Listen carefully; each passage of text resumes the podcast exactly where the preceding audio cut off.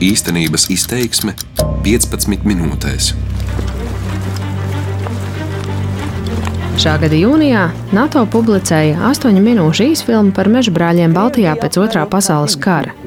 Tas izsauca asu Krievijas reakciju, kas spītīgi turas pie citas vēstures versijas, bet Latvijas sabiedrisko mediju portāla Krievu valodā galvenajam redaktoram Aleksandram Krasnickim tas rosināja iedziļināties šā gada sākumā internetā publicētajos atslapenotajos ASV centrālās izlūkošanas pārvaldes jeb CIP ziņojumos. Es tur jau rakņējos savu privātpersoniskas intereses ietvaros vēl pavasarī.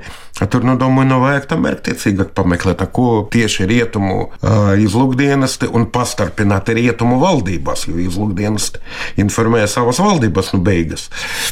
Zināja par tiem pretpadomju kustībām, kas neapšaubam šeit darbojas. Tapa publikāciju sērija portālā LSM. Taču drīz Krasnickim atrakstīja Latvijas Vēstures institūta pētnieks Zigmārs Turčīnskis kurš daudz pētījis bruņoto pretošanos padomju okupācijai Latvijā līdz 50. gadu vidum un ir grāmatas Ziemeļvidzemes meža brāļa autors. Viņš vērsa uzmanību. Šie cipu ziņojumi ir pārpludināti ar padomju izlūkdienestu dezinformāciju.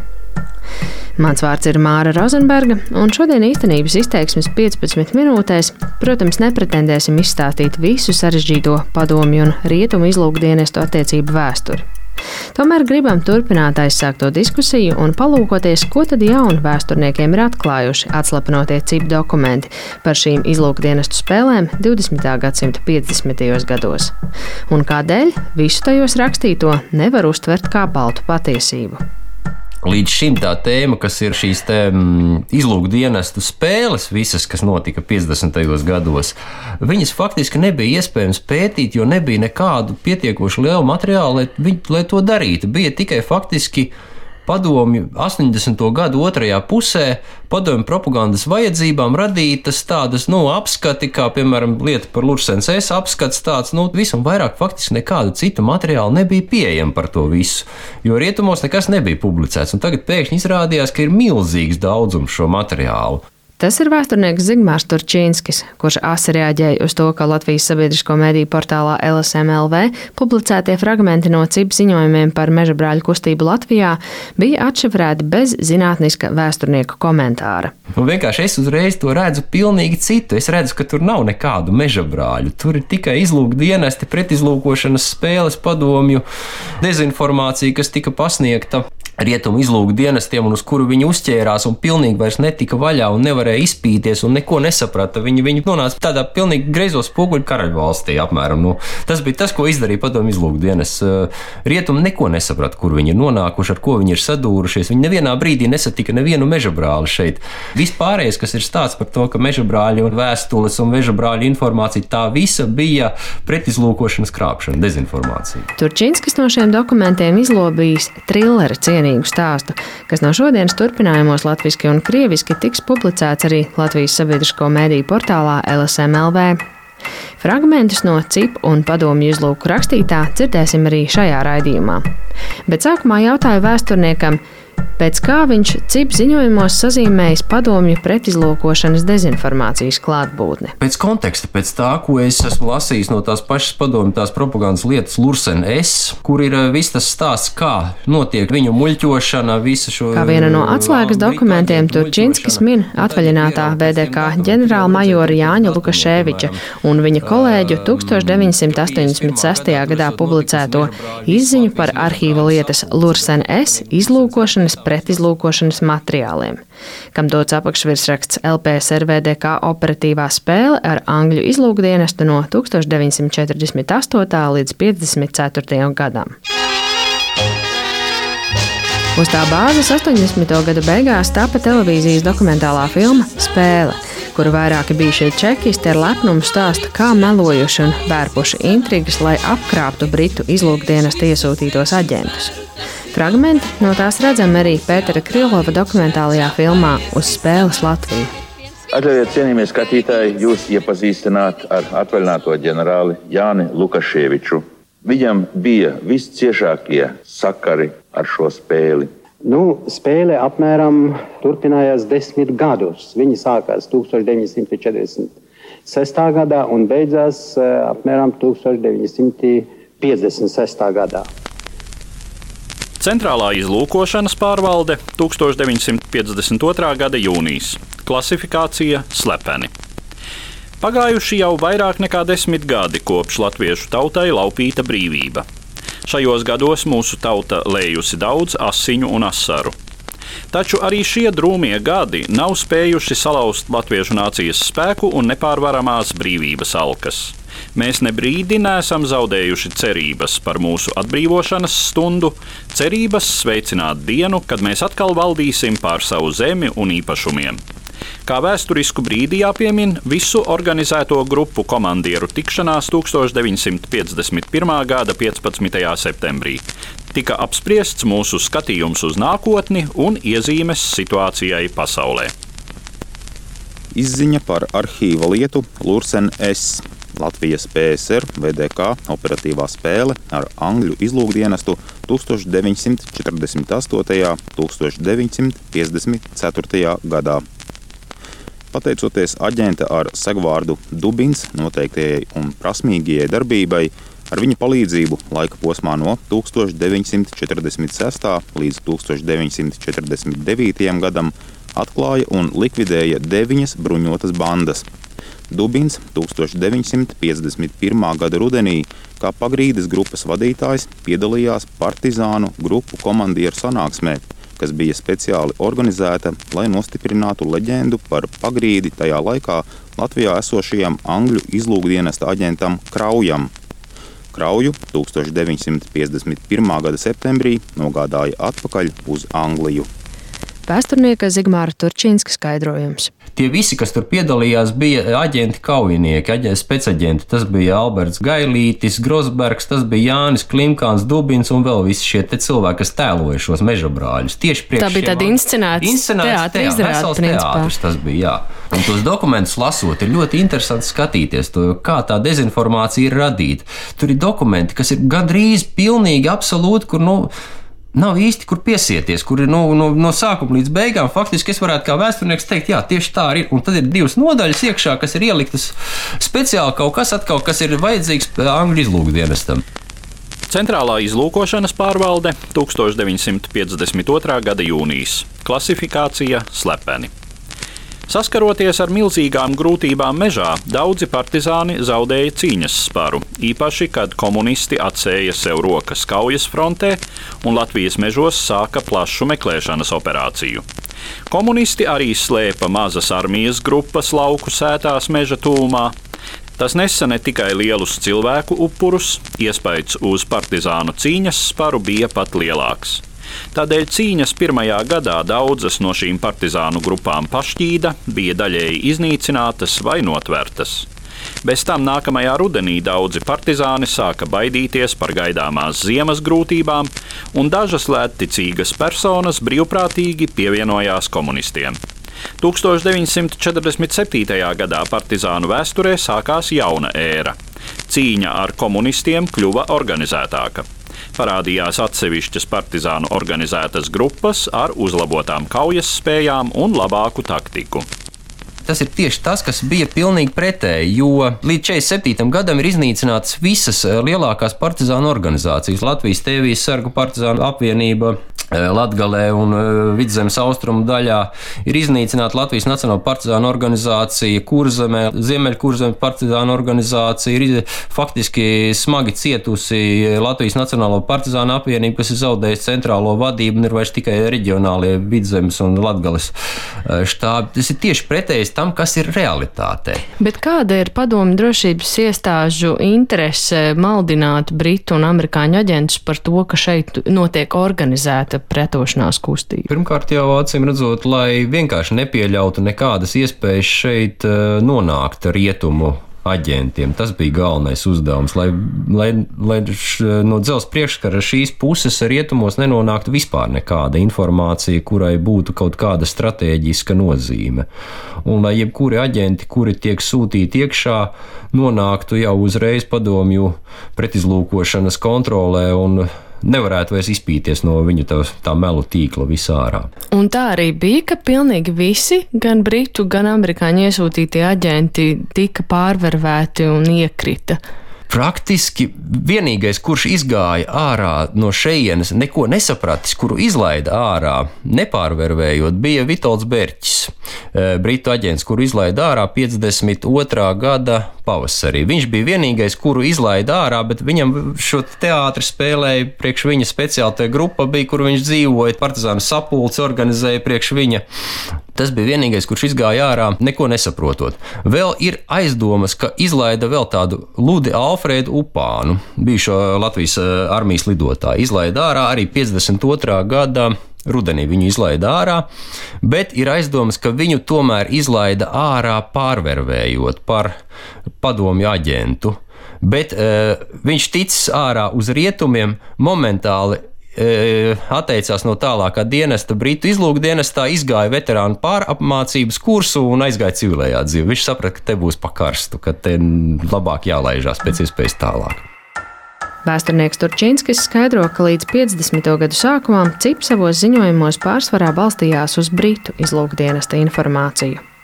Briti jau no 40. gadu vidus Latvijā bija mēģinājuši iesūtīt savus aģentus, iepriekš uz rietumiem aizbēgušos latviešus, lai gan neveiksmīgi.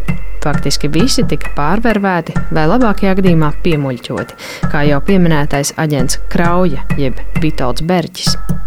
Vēsturnieks Kārlis Kangers, kurš tāpat daudz pētījis dokumentus par šo laiku, zina stāstīt, ka vēlāk Vitolds Berķis apjauts, ka ticis tīts ap pirkstu. Bet, teiksim, amerikāņu nopratināšanā ļoti labi redzēt, teiksim, amerikāņu prata, pratina, viņi tieši teik, vai, vai, vai viņam ne, neradās aizdomas vai kaut kur, ja?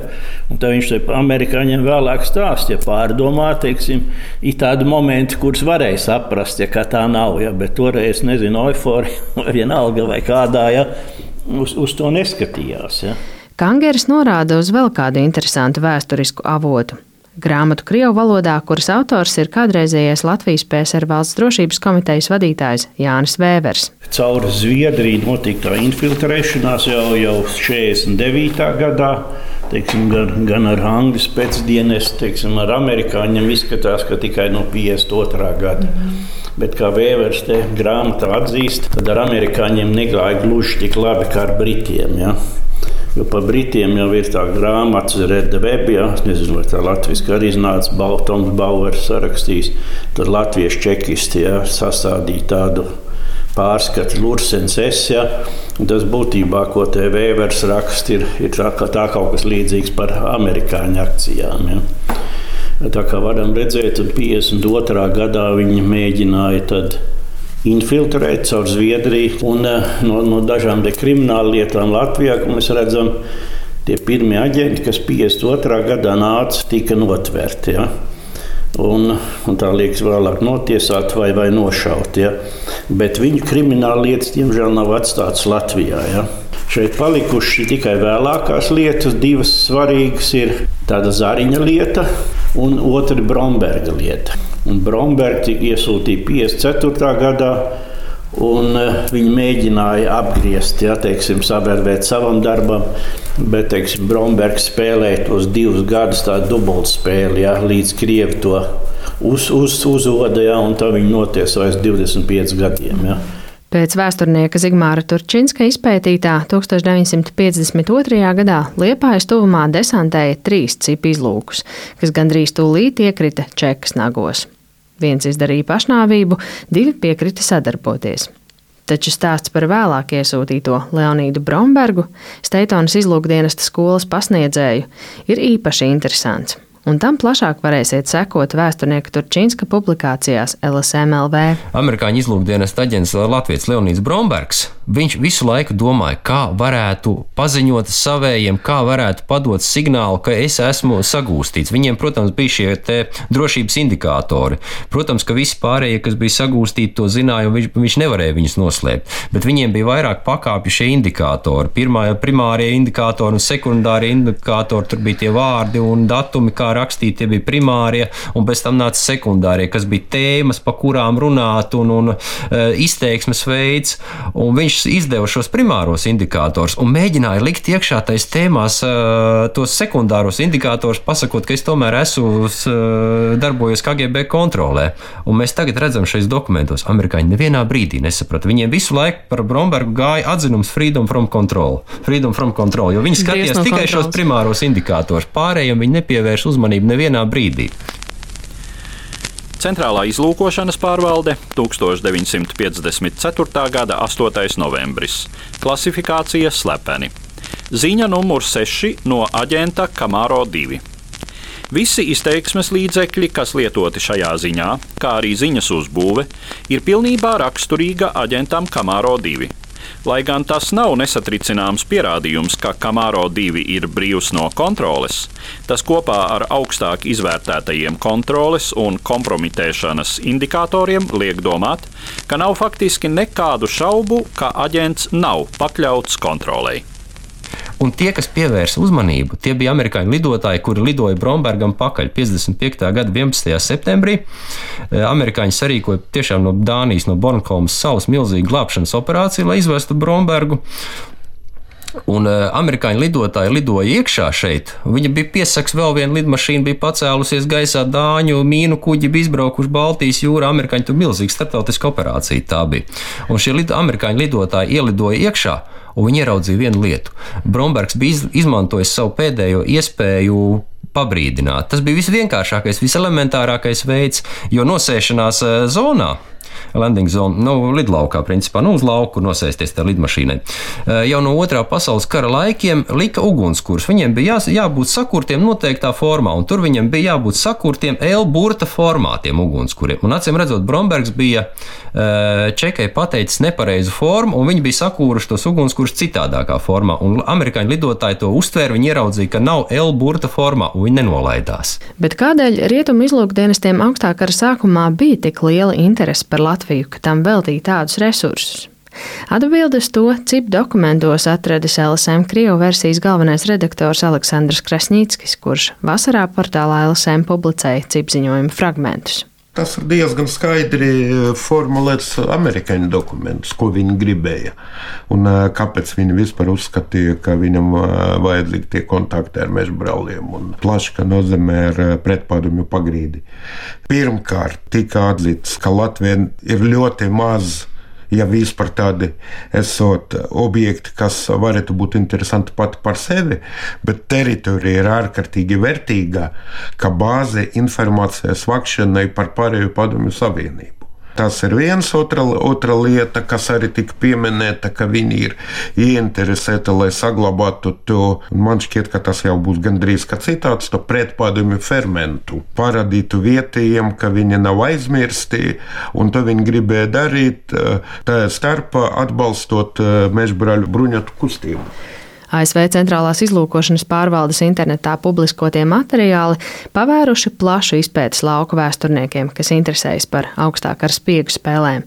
Tā saka Latvijas Vēstures institūta pētnieks Zigmārs Turčīnskis tas atklājuma process, tas bija tas aizraujošākais, ka es tiešām aizrāvos ar visu to un iegrimu tajos arhīvu materiālos, internetā pieejamajos. Un, un, un, un, jā, un ļoti daudzas lietas tiešām nostājās savās vietās, jo pirms tam nebija tik daudz informācijas, lai būtu īsti vērts pie šiem augstākā izlūkdienas spēlēm pieķerties klāt. Tur nebija tik daudz informācijas, tur bija tikai atsevišķi informācijas fragmenti, kuri nekādā veidā nebija pārbaudāmi ar otras puses informāciju, bet šeit amerikāņu šos arhīvos ir redzams nu, pilnīgi pa dienām ar aģentu ziņojumiem, kurš ko tagad sacīs.